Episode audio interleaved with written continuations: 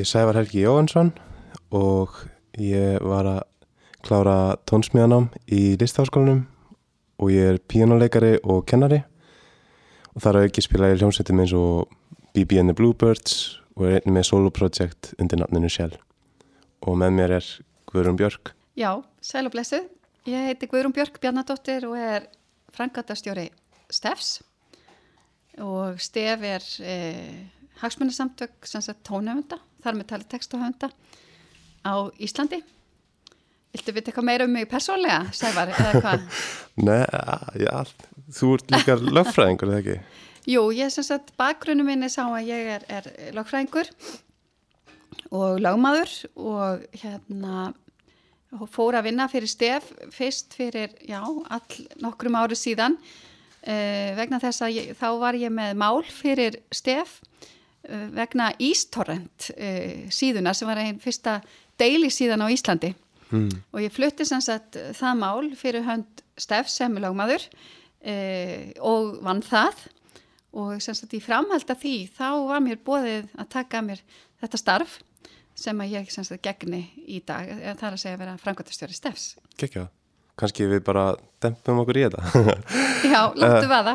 Bara kannski fyrst og fremst bara hvað er höfundaréttur og hvað er munurinn á milli mastersétt og höfundarétt, eða þú veist? Já, ymmit Sko, höfundaréttur í rauninni í víðri skilgreiningu er nú er ég, kemur lágfræðingurinn upp í mér sko er í rauninni alla réttareglu sem gilda um um, höfundaverk.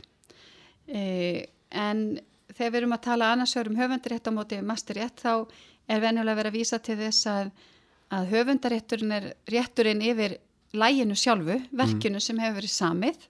Síðan getur þetta lag verið flutt í ótal útgáfum og gerðar að því mismunandi upptökur e, bæði af uppröðanlegum höfundi og flytjanda en líka hugsalega setna í formi ábreyða eða eitthvað slíkt mm. og svo stundum erum við með mismöndu útsetningar á, á sama læginu þannig að sama lægi getur verið sagt, til í mörgum mismöndu útgáfum og þar er leiðandi mörgum mismöndu hljóðrutum og þessar upptökur af mismönandi þá hljóðrutum það er það sem við tölum um sem masterrétt þannig að munurinn er sá að, að höfundarétturinn er eigu þess sem hefur sami lægið mm. hugsanlega líka í eigu tónlistaforlegjara eða publicers eins og það heitir mm. á ennsku ef að uh, höfundun hefur gert samning við tónlistaforlegjara um að aðstóða sig við að uh, gera meiri peninga á læginu og koma læginu á framfæri en masterrétturinn er þá í eigu þess sem að venjulega hefur fjármagnað hljóðréttið mm. og það er viðkomandi telst þá vera útgefandi að hljóðréttinu og á þá masterréttin síðan venjulega er eitthvað svona, eitthvað svona samningur í mitt á milli útgefandans og flytjandans um hvernig á að skipta tekjónum af masterréttinum. Mm. Hugsanlega er sami aðilinn bæði höfundur og útgefandi og flytjandi og getur jáfnveg líka verið tónleikahaldari og, og svo framvegs. En ef hann er bæði flytjandi, útgefandi og höfundur, að þá fær við komandi til dæmis greitt af streymi, sama streyminu, mismunandi tekjur og færan tekjur annars vega sem höfundur og það er þá oft í gegnum einmitt svona samtök eins og stef. Mm. en svo líka sem útgefandi og flytjandi og það kemur, svo greiðslega kemur þá beint frá tónlistaveitunni og mm. oft stoppar reyndar hjá eitthvað skona miðlara eða það sem heitir á ennsku aggregator. Eins og CD Baby og TuneCore. Akkurat. Og hérna á Íslandi erum við með eitt slíka miðlara, já, ná, dreifir. Já, frá Er það ekki frá Alda Music? Jú, einmitt, sem er í eigu Alda Music. En, en sorry. Þannig að ef ég myndi gefa út tónlistan mínu sjálfur þá á ég mastersetin mm -hmm. en ef ég var að gefa út í gegnum blötufyrirtæki eða einhvern annan útgefenda þá væri þau með mastersetin en ég væri með höfundaréttin að lænu Alveg rétt. Eina kannski sem er gott að hafa í huga varðandi það er að ef að að þú hefur höfundur á læginu og, og í raunin ert búin að kannski takað upp sjálfur í þínu eigin stúdjói mm. Eh, og gerir síðan útgáðu samning við útgifanda um, um þetta að þá skaltu við huga vel að því hvort að eh, hvort að í rauninni verið að tala um dreifingasamning mm. eða alvöru útgáðu samning hugsalega getur þú sami bara um dreifinguna og þú eigir áfram masterréttin Uh, sem auðvitað við mælum með að þú reynir að halda sem mestur réttindum hjá þér. E, eða ef að þú gerir útgáfasamning að þá venjulega er hérna útgáfan eignast þar með e, masterréttin. Hmm. Hvað er mastersrétturinn af því þú ert að tala um greiðslur mm -hmm. sem maður fær fyrir streymi eða spilun? Mm -hmm. Hver, hvað vegur mastersrétturinn eða mikið? Eða veist, hvað, hvað er það mikil? Þa, það er nefnilega mjög misjamt. Okay. Eftir því sko hvers konar fluttning við erum að tala um í, í tónlistinni og það er mjög líka mjög misjamt eftir löndum ef við horfum á til dæmis bakgrunnstónlist hmm. e, og hvernig hún er verðlöð hér á landi þá er, en þá í dag allavega, er höfundarétturinn meira verið en masterrétturinn hmm. ef við horfum á útvarpið þá er bara, eru samningar annars vegar stefs vegna höfundarétturins og hins vegar samningar SFH sem er samband flytjandi og hljómblötu framlegenda vegna masterrétturins e, tölvust ólíkir Og ég held nú að þar séu samningastefs kannski yfir betri. E, þar er þá höfunduréttur verð meiri e, ef við horfum á hins vegar streymið þá snýst dæmið aðeins við. Og það má alveg spurja sig af hverju það er en, en þetta er svona þessi hagsmuna öflið þessu stóra samhengi út í heimi sem hafa svolítið stjórnað þessu að þar er Spotify að greiða tölvört meira fyrir masterréttin en, mm. en fyrir höfundaréttin. Er ekki writers cut bara eitthvað 12% eða? Jú, það er svona kannski oftast verið í, í streyminu svona kannski 12 og upp í 15%. Þá á streymisveitum? Á, á streymisveitunum, já, já. Emmitt, emmitt. Ok, wow. já, það, og svo, svo heldur þetta streymisveitan einhver eftir hjá sér mm. og svo tekur þetta miðlarinn eða aggregatorinn sitt en má þó segja ef að þú ert eh, með samning við einna stóru útgjöfundunum í, í heiminum eða að þá eh, þarf ekki þennan miðlara þá eru þeir það stórir að þeir eru oftast með beina samninga og spara sér þar með þannan mittilið en já, þetta skiptist á mjög margar hendur. Já, vá, trú því. Mér finnst það líka svolítið stundum erfitt af því að þú veist að maður fær upplifinuna að, emitt, þetta er bara svo fjölbreykt eftir í hvaða marka þú ætlar að nálgast mm -hmm. hvort sem ætlar við útvarp eða sjónvarp Já, akkurat um, En kannski bara að því þú varst að nefna að gera samninga og eitthvað svona mm -hmm. hvað er svona, við, hvað ættum við að svona varast hvar ætti að vera svona viðverðum að bjöllir Já, einmitt kannski bara er, fyrsta reglan er að leita því ráðgjafar okay. uh, og því miður sé ég það allt og mikið í mínu starfi að, að tónlistafólk það verður bara svo spennt, eðlilega þegar einhver sýnir því áhuga og segist elska tónlistina þeirra og vilja gera þá heimsfræga að, að það skrifar undir svolítið hvað sem er okay.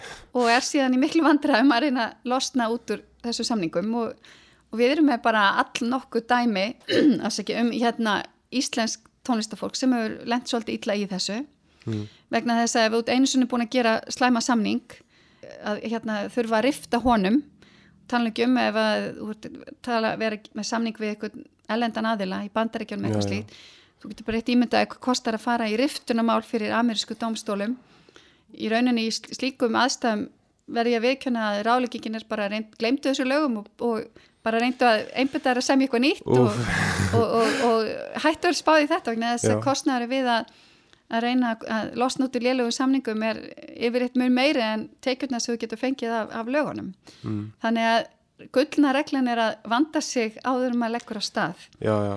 og að huga mjög vel af því að þeir sem ætlar að semja við geti virkilega afhengt þá vöru eða þá þjónustu sem þeir lofa. E, mjög Nei, mikið af þessu samningum eru mjög loðnir. E, og þess vegna og þessi skipti máli er að, að þessir aðilar hafi til dæmis þau sambönd mm. sem er erfitt að setja úr blað að þeir hafi, Já. að þeir geti komið lögunum þínum áfram og ég held að í því sambandi þá bara borgast að skoða hverja, hverjir eru nú þegar á samningi hjá viðkomandi aðila og reynilega bara taka upp síman og ræða við þá mælur með þessum aðila mm. eða, og, og hvernig hefur gengið Já. bara þetta byggist nummer 1 og 3 upp á trösti Nei, ég var einmitt að lesa þetta á anna, stef Já, heimasíðinni Já, Já.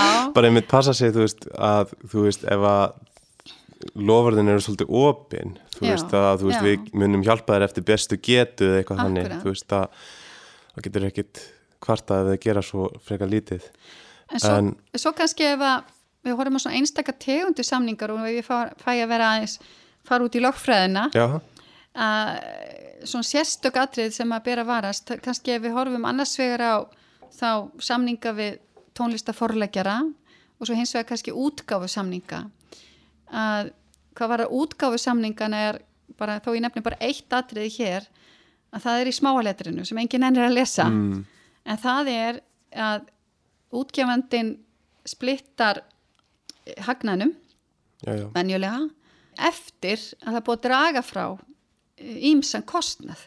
mm, Það er að segja í samningnum er talað um net profits en ekki gross.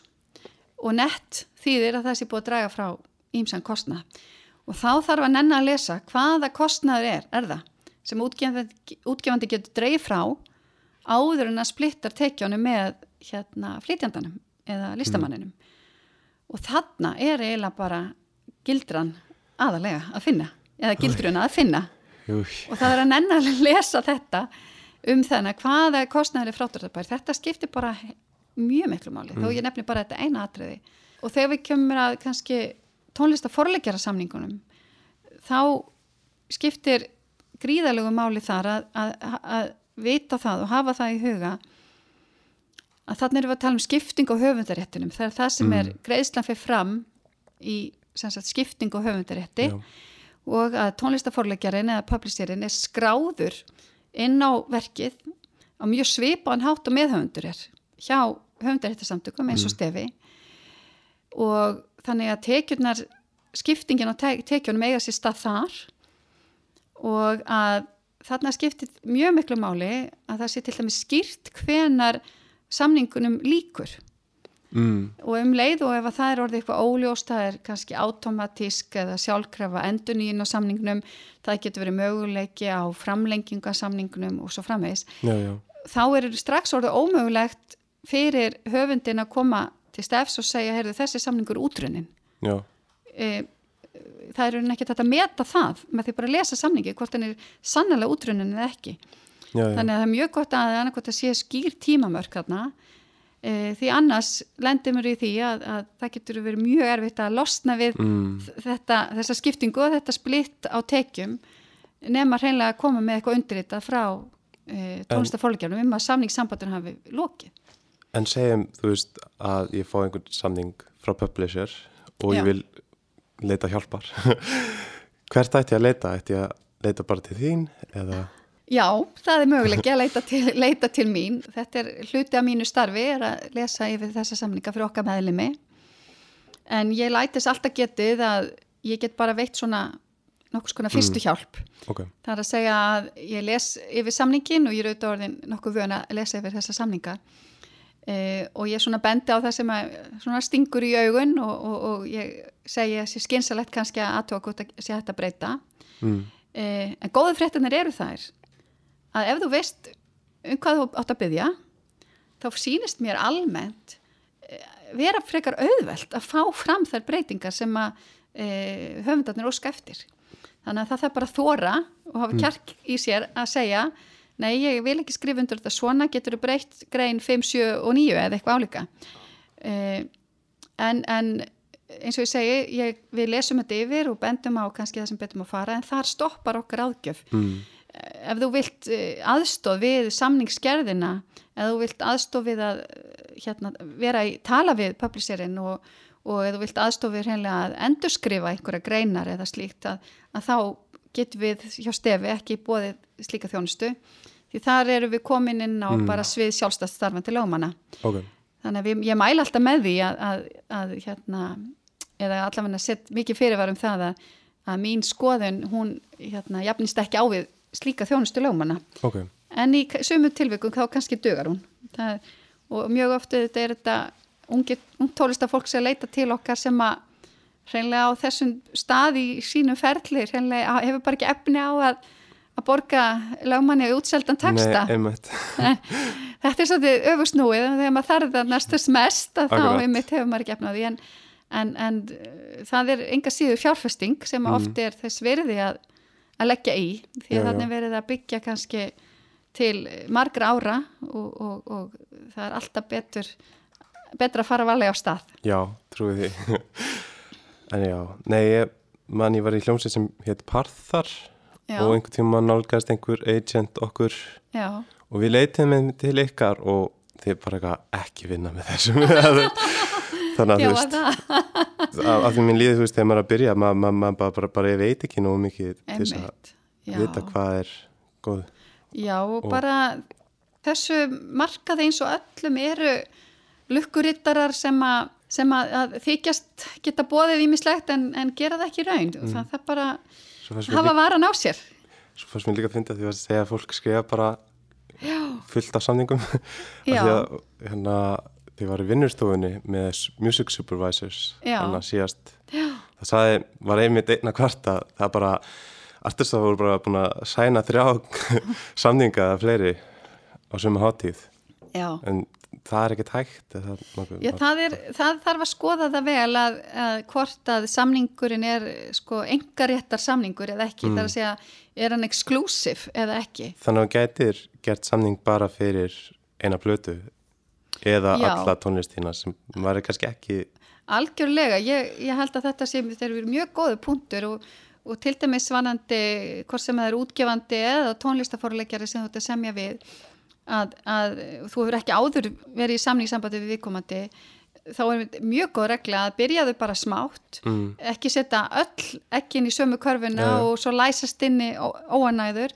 eh, hugsanlega er þetta se- sem, semja bara um eina plötu til Já. að byrja með ef að það samstarf gengur vel þá er mjög auðvelt að bæta við Mm. fyrirverkum og framtíðaverkum og svo framvegis. En, en, en, en að taka þetta í smáum skrefum. Já, þannig að verður þá viss að þú vilja vinna með viðkomandi áfram og hann er búin að sanna, sanna sig akkvært þér og þá getur þú bætt við meira. Ég var einmitt að hugsa líka þegar ég var að lesa þetta með árin þrjú til fimm ár og þetta já, þú veist var mér myndi helst langa bara eitt ár, bara svona pröfa ár Já, það svona- er svolítið erfitt en, en kannski ekki, ekki ómögulegt Mm. samt. En það má þess vegna gera samninga um eitt lag. Mm, og ég veit um, um, um dæmi þess hér á landi að það er ellendur tólistaforleikjari sem er með mjög þekkt lag sem að hjá sér sem að ég vona ég sé ekki kjáta neinu leindamálum en sem að var þekkt eftir að ákveðin hljómsveit söng það í neðagjara lestum hérna í Þískalandi ah, ég skil. Og sem að bara hreinlega eftir það fekk svo mikið af fyrirspurnum um þetta verk að, að, að, að það þurfti hreinlega að fá aðstóð við, við að halda utanum réttindin. Og þá bara gerðu samningur um eitt lag. Og það, það er ekkert sem að kemur rauninu veg fyrir það. hérna, ef við förum yfir eitthvað annað hvað er hérna copyright exploitation? Já, í rauninni þetta er orðalega sem að sér stundum í fórleikjara samningum í, í samningum við publisera í rauninni er þarna er verið að rauninni að segja að, að tónlistafórleikjarin bara ætlar að reyna að, að nýta höfundaréttin e, á þann hátt sem hann getur til þess að búa til meiri peninga fyrir, fyrir sig og fyrir höfundin e, þannig að þótt að hljóminu kannski ekki dvola vel þá er þetta svo sem orðalag sem er ekkit svona sérstaklega óvanalegt eða slíkt. Mm. þetta er rauninni bara þýðið það að reyna að búa til pening úr höfundaréttinum ó, ok. Allavega þannig hef ég skilið það. Mm. ég var hugsa bara svona mikið með bara hvernig skráður maður lögin sín eða höfundaréttin. Af því mér finnst líka það er einhvern veginn, maður heldur að maður sé búin að læra það Mhm. en svo læra maður með SF, SFH og maður þarf að fá ISRC númer. Akkurat. Og bara hvað er svona algeng mistök þegar maður er að byrja að skrá? Einmitt. Um, ég held sko til þess að geta nýtt höfundaréttin sinn, exploit í copyright eins og það segir, að þá er, e, mæli ég auðvitað með því nummer 1, 2 og 3 að vera meðlumur í stefi, mm. en það er ekki nóg eitt að sér að vera meðlumur, þú verður að skrá öll verkið þín. E, þegar verkið er búið að, búið að skráða hjá stefi, þá sendum við það áfram út í erlenda gagnagruna sem að gera það verkum að ef að það spilað ellendis og til dæmis á veitum eins og Spotify Mm. að þá sést uh, hver áverkið og peningarnir skila sér þá heim til Íslands Mm. það er sérst algjör grunn fórsenda þess að þú getur fengið greitt fyrir höfundaréttin að verkið sé rétt skráð. mm. Það sem kannski fólk, tónlistafólk lendir oftast í vandræði með er skiptingin á höfundaréttinum. Mm. Það er að segja þú þarfst að skrá hvað, hver og einn í hljómsveitinni sem dæmi á mikið stóran hlut í höfundaréttinum. E, þetta er held ég einn algengasta ástæða þess að hljómsveitir splundrast. Ok. Að það verður ósætti um þetta. Og það eru mörg sjónamið þarna, það er annars vegar sjónamið að, að við erum öll í sömu hljómsveitinni við erum öll að leggja jafn mikið tími í þetta. Mm. við erum öll að, að hérna, hugsanlega setja peningan okkar í þetta kaupa saman hljóðfæri leia saman stúdíó fara saman í tónlistaferðalög Já, já, og það sé því að allir eigi hlut í, í, í lögunum. Já, hins vegar er alveg gagstætt sjónamið er að í hljómsveitin eru hugsanlega einn eða tveir sem eru bara fættir lagahöfundar. Þetta bara streymi fram á hérna kannski já, áreynslu lausari hátt en hjá öðrum. E, eða þá að viðkomandi hreinlega e, vill bara setja allan kraft sinn og orku í að, í að hérna, vera lagahöndur mm. og, og meðan að einhver í hljómsettinni vinnur í tölvubúð frá 9-5 þá er einhver annar sem sittur sveittur við piano og er bara að semja. Já, já, og þess vegna getur líka verið eðlilegt að, að það sé höfðu hliðsjóna því að, að lögin er verða til meira hjá einhverjum í hljómsettin en öðrum. E, og þarna þarf að hreinlega bara ræða málin já, já. Og þarna þarf að hérna að komast að ykkur samkomulagi. Ég svona persónulega mín skoðin er svo að það er rosalega erfitt að halda út í hljónsett í, í, í mörg ári ef að, ef að til dæmis trommarinn fær ekki, ekki neina hlutild Nei, akkurat. Þú veist það endar með ósetti.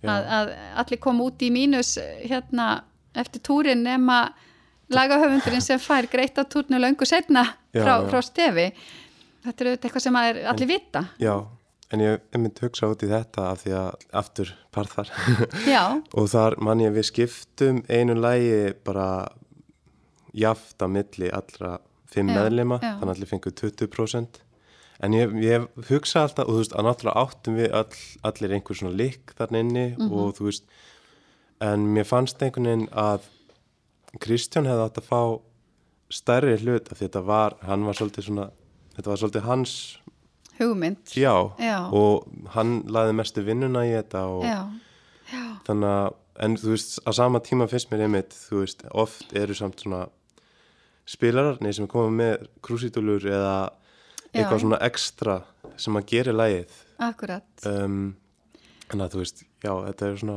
einmitt, bara hvernig skiptum Já. maður milli og þarna þarf, tala ekki um ef að fólk fer í svona lagahöfundabúðir mm. fyrir að reynlega svona eða co-writing sessions fyrir og semi með öðrum, oft erlendum höfundum þar þarf reynlega að ræða þessi mál bara áður en og fá þau reynd áður en að þið fara úr stúdíónu Mm. það þarf bara að vera klárt þegar fara úr stúdíónu hver á hvað mikið í læginu já, þarna er bara ráðleik, ráðleikingin að tala um hlutina. Þetta er eitt af óþægilegu samtölunum sem að maður þarf að kannski eiga við vini sína í hljómsettinni en, en er bara nöðsilegt að Mm. taka og hvað var það þá bursi frá þessu þá er eh, mjög æskilegt að hljómsettinnar gerir með sér einhvers konar samning um bara starfið innan hljómsettinnar sko bursi frá þessu sem sagt að, að það þarf að vera skýrt hvað gerist ef einn hættir hljómsettinni mm.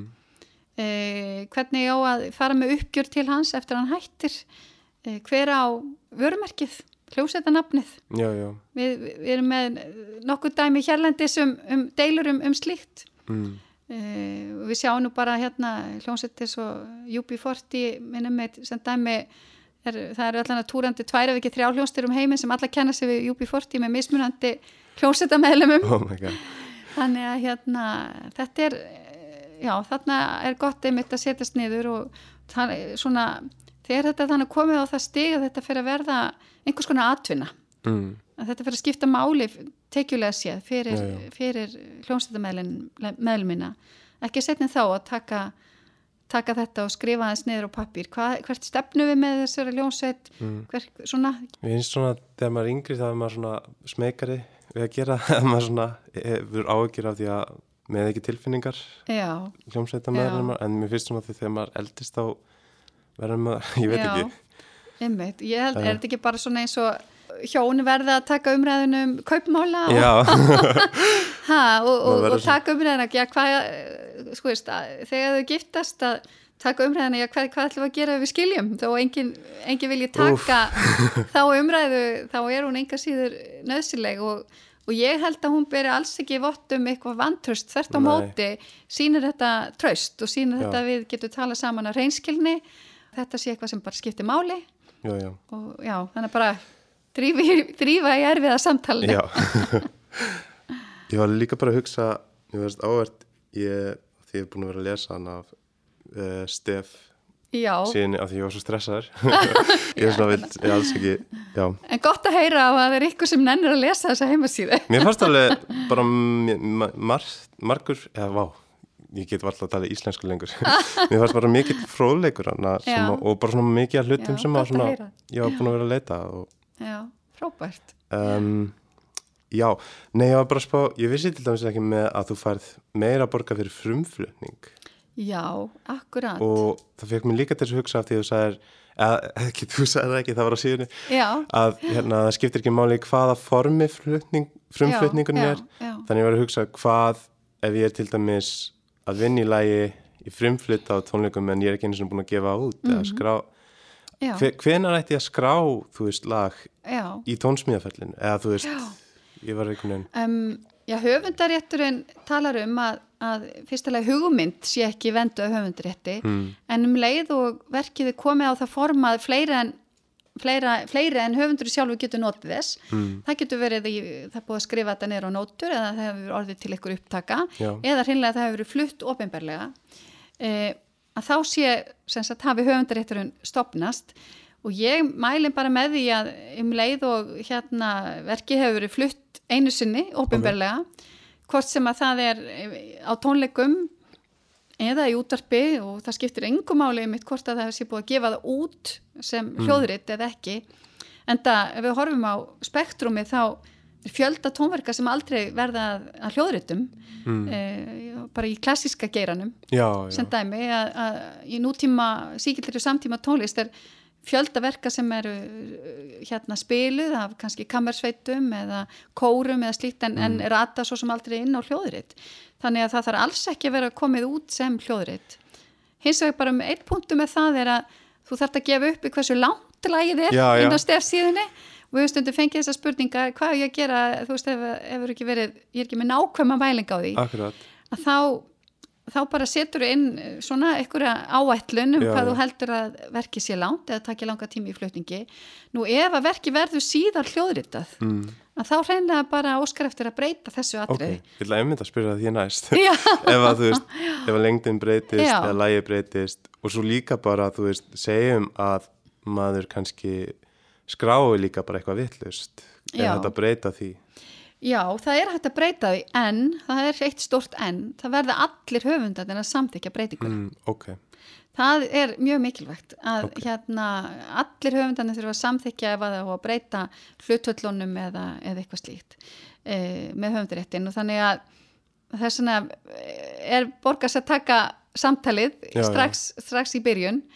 Og af því að það getur einn starfitt að breyta því, breyta því eftir á en það er auðvitað eins og ég segi möguleiki en það getur reynst aðeins flókið að finna fólk 20 árum setna og segja, Já, "Heyrðu, já. ég er nú ósættu, ég samti nú meira í þessu lægi og, og þegar langt er liðið þá mann það engin almennilega lengur og, og, og, nei, og þá er þetta mjög, já, oft mjög Já. erfitt nei, að maður einmitt hugsaði ekkert kannski hvernig hefur höfundaréttur áhrif á mig eftir 20 Nei. árum, maður er ekkert kannski að spá Nei. í því eða hvernig verður akkurat samband mitt við Já. þennan meðhöfund eða, og ekki bara 20 ára hann í rauninni hefur meira sér áhrif á, á erfingja þína. Vá, já. Þannig hann er í, í, í gildi 70 ár eftir andlátt oh my god. Og ef það eru fleiri en einn höfundur í læginu þá er það 70 ár eftir andlátt sko, hérna, þessum deyr síðast. Mm, þannig að hérna að, þarna er verið að, að já ekki tjálta til einna nætur Vá. þetta, þetta hefur áhrif langt eftir fram í Já. tíman hmm. Já, ég var bara að lesa og ég fekk einhvern veginn á tilfinningunni að höfundaréttur á ekki við þegar í educational purposes eða Já, í fræðslustarfsemi. Já, einmitt. en ég var bara að spá að því að þú veist ég var í listáskólanum og var að semja þar tónlist. Já, ég man líka, þú veist, þegar maður þetta var sækjum þá þurftum að haka við eitthvað ég gef skólanum rétt Mhm, að ég man ekki alveg hvernig orðalagi var en þú veist, eitthvað, þú veist. Já, hvort það ætti lögin eða eitthvað Mhm. tónlistana um, þú veist er tónlistin sem maður semur í skóla mhm. er það höfundar já, sko, tónlistin sem þú semur í skóla er alveg jafn merkileg tónlist og hver annu tónlist og nýtur alveg sömu vendar. ok, Þau tónlistin sem þú semur í skóla getur al, algjörlega skrifað og, og hérna skráð hjá stefi ok og, og verða hljóðritt skráðu mitt líka fyrir hjá flytjendum og hljóðflytjum framlegendum á hljóðritt.is mm. e, Væntalega, nú veit ég ekki nákvæmlega hvað þú ert að vísa til varandi listaháskólan en ég ímynda mér að, að þú hafi verið að veita þeim leifi til þess að til dæmis að Nýta tónlistin verði, verði flutt og, og eitthvað slíkt sko. E, Skólin á eng, engan hlut í Nei, nei, tónlistinni það- sem, sem slíkri. það er pottitt verið eitthvað þannig Já. bara að tónlistin fær rétt að Já. nýta tónlistina Hins vegar er undan þá um sem sagt, greiðslu höfundaréttar e, gjalda mm. í höfundalögunum í 11. grein að mér minnir e, sem segir að, að sé verið að nota tónlist í fræðstustarfsemi það er að segja bara þau lög sem eru til dæmis notuð í tónmendakenslu í grunnskólum eða þegar að kemur einhver og, eða verið að spila einhverja tónlist í í dönsku kenslunni te- með einhverju dönsku textum þar sem Já, að já. reyna að vekja áhuga grunnskólanemanda á dönsku að það þarf ekki að greiða höfundréttagjöld af þessari nótkun. ok, Hins vegar að því að þú ert að tala um mig þá er skoðið mín að þarna sé enga síður eðlilegt að, að það sé ykkur heldarsamningur í gildi og það sé, sé þetta, eh, þó þetta sé mjög mikil nótkun þá sé eðlilegt og sangjant að þarna komi endurgjald fyrir og það verður kannski svona einhver uh, framtíða stefnumótun eh, hjá okkur að, að reyna kannski að, að ná einhverjum samningi við mentamálarandu um þetta. Mm. en undan þá er ekki alveg fortakslaus. Ef að flytjandanum er greitt ef að til dæmis eh, Jón Jónsson mætir í skólan og spilar já, já. þá á að greiða á skólinn líka að greiða til stefs af flutningnum. Þar að segja ef að Jón Jónsson kemur spilar og tekur greiðslu fyrir sjálfur sem að þetta getur verið já, þá að líka borga höfundinum og svo er líka undan þá um það að þetta næri þó ekki til kvikmyndaverka mm. Þannig að hérna, það í rauninni á að greiða fyrir tónlistina í kvikmyndaverkum sem eru sínt í skólum Já. en það er annað svið sem að ég get nú bara að kjafta hérna að við erum eitthvað sem að við, við erum ekki ána með heldur að þarna hefur heldur aldrei verið gerður neitt heldarsamningur við Mm. tónhöfunda um greiðslu fyrir þetta og meiri sé ekki heldur kvikmyndaframlegendur Nei. sem er í rauninni algjör neysa að mínum mati. algjör skandal Þetta fara að vera skandals hérna hlaðvarp. Uppljóstunum ímislega. En hvernig er það sem sagt, þetta er líka einhvern veginn sem ég hef ekki, eða þú veist, af því að hérna, þú spilar tónleika og tónleikastæðurinn borgar stefgjöld og þú þarft að senda inn lista af lögunum sem þú varst að spila til þess að fá Já. hérna borga fyrir lifandi flutning. Já, við erum eitt, við viljum reynda gætnan hætta að nota þetta orð stefgjald og segja bara höfundaréttagjald af því að hérna, þetta tilheru höfundum, ekki, Ok. ekki, ekki stefi.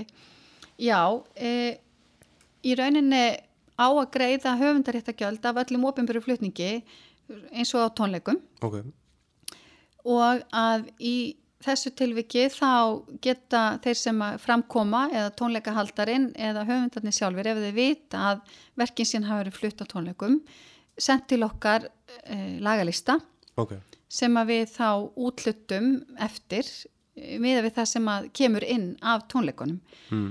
og í þessu tilviki hefur stjórnstefs uh, tekið ákvörðun um að stef taki 10% umsýslu þóknun mm. Uh, sem er minna heldur en sko okkar almenni rekstrakostnaður er þannig að þannig verið að styðja sérstaklega við hvað við segja tónhöfundar sem eru virkir Mm. í, í uh, sínu tónflutningi Uh, og þannig að, að 90% af því sem við innnemdum fyrir viðkomandi tónleika fer beint til að útluta til þeirra höfunda sem eiga verkin sem spilið eru mm. og þá auðvitað verðum við jú að vita hvaða verki verið að spila þannig að, að þarna þarf að senda okkur lagalistana eða efnisgrátnar og við viljum að það sé gert í gegnum heimasíðan okkar það er Mm. form sem hættir að Já, fylla ég út í sá það í nýju mínar síður Já, mér finnst það mjög þægilegt format Já, gott að heyra. Við vorum einmitt að taka þetta allt í gegn Já. og vorum að setja bara fyrir örfáum vikum nýjar mínasíður í, Mm. í, í loftið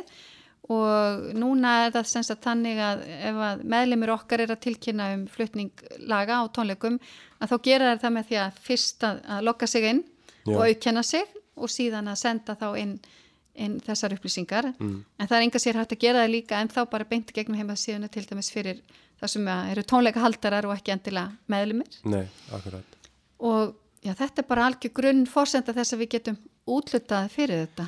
Ég er nefnilega ekki verið nú duðlegur að skrá lifandi flutning Nei, en ég hef heyrst frá kollegum bara já, að þetta sé bara alveg skipti máli. skipti og fá eiginlega mest Já, úr þessu já, það er tilvikum. öruglega ferðið mér svo ég segi eftir því hvers konar tónhöfundur þú ert.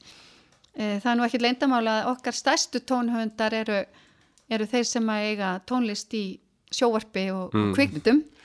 Þar er peningurinn í dag að, að reyna að komast inn í, inn í sjóarserju sem eru síndar á alþjóðlegum veitum eða, eða út um allan heim í sjóvarpi. Það, það er sá vettvangur tónlistarina sem er að gefa mest af sér. Já, já, En fyrir þá sem eru duglegir að spila að þá klálega getur þetta skipt máli að, að senda inn lagalista um tónleika og einhver saði mér ég man ekki hvort það var ekki bara Pállóskar eða eitthvað sem saði mér að, hérna, að þetta var nú kannski ekkert eitthvað sérlega hátt en þetta var ágættist tímagjald fyrir að með það tíma sem tekur að senda þetta inn mm.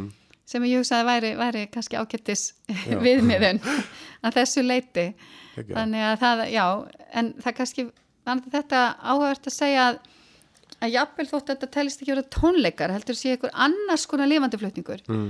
ársáttíðir eða einhverju bæjarháttíðir eitthvað staðar eða, Já, já, eða eitthvað slíkt að þá, eða verið að spila í einhverju krá sem er með samning við stef að endilega senda inn lagalistana því að við, jafnvel þótt að við getum ekki fundin eina tónleika sem að passa við eða hefur inneimt af að þá reynum við að, að setja þetta í svo kallan bakgrunnspott mm. og þá kemur þá örlítil útlutum fyrir það minna auðvitað heldur en tónleikar en, en þetta er auðvitað samt sínir eh, réttilega að þetta, þessi tónlist var spiluð í Mm. eitthvað staðar og þannig við reynum að útluta samt sem áður mm. fyrir hana en eitt kannski vanandi þetta líka sem mann er að e, það er svolítið mismunandi eftir stöðum hvernig er háttað innheimtunni á þessu sumi staðir eru með bara samning við stef og greiða bara með einni heilda greiðslu fyrir alla tónleika sem eiga sér stað innan, Mm. innan viðkomandi staðar. ok, Það er eins og kannski græni hatturinn á Akureyri. já, já Þannig ef þú ert beðin um að spila þar eða ert að spila þar, þá er bara mjög einfalt, þú sendir inn lagalistan og fær bara greitt sem hlutfall af, af þessu sem að græna hatturinn greiði til stafs á hverju ári. mm. Eh, einhverjum tilvikum er samningatinn þannig að samningur bara heldur utanum þetta fyrir stef. Eh, það er eins og kannski salurinn í Kópavogi. Mm. Þannig að þar tekur salurinn eh, þá höfundiréttagjöldina með sölunni og skilaði til stefs e, og síðan þá getur þú e, á móti þá sendt inn lagalistan. En enn aðri staðir eru þetta þannig að kannski er ekki með eina samninga við stef. Hugsanlega ert þú þá sjálfur tónleikahaldur en ef þú leigir eitthvað staðar íþróttahús eða eitthvað álíka. Ok, þannig þá þarftu sjálfur að greiða stefi til þess að við getum aftur greitt þér ok. sem tónhöfundi. Ok. en við viljum samt að það sé gert þannig en það er mjög líklegt að þó þú sjálfur sért að koma fram einn á tónleikum einhverstar íþróttúsi sem þú hefur leikt að, að mjög líklegt að einhverjir fleiri en þú eigir hluta í þeim lögum sem þú hefur Mm. spilar þannig að til þess að tryggja það að þeir fái greitt ekki bara þú sem stendur á sviðinu heldur aðri sem eiga hluta til lögunum að þá viljum við að í þessu tilvikum þá fara þetta samt allt í gegnum okkur Við ætlum að gera hlið núna og framhaldi verður í næsta parti, parti 2. Takk hérlega fyrir mig Já, takk sem leis.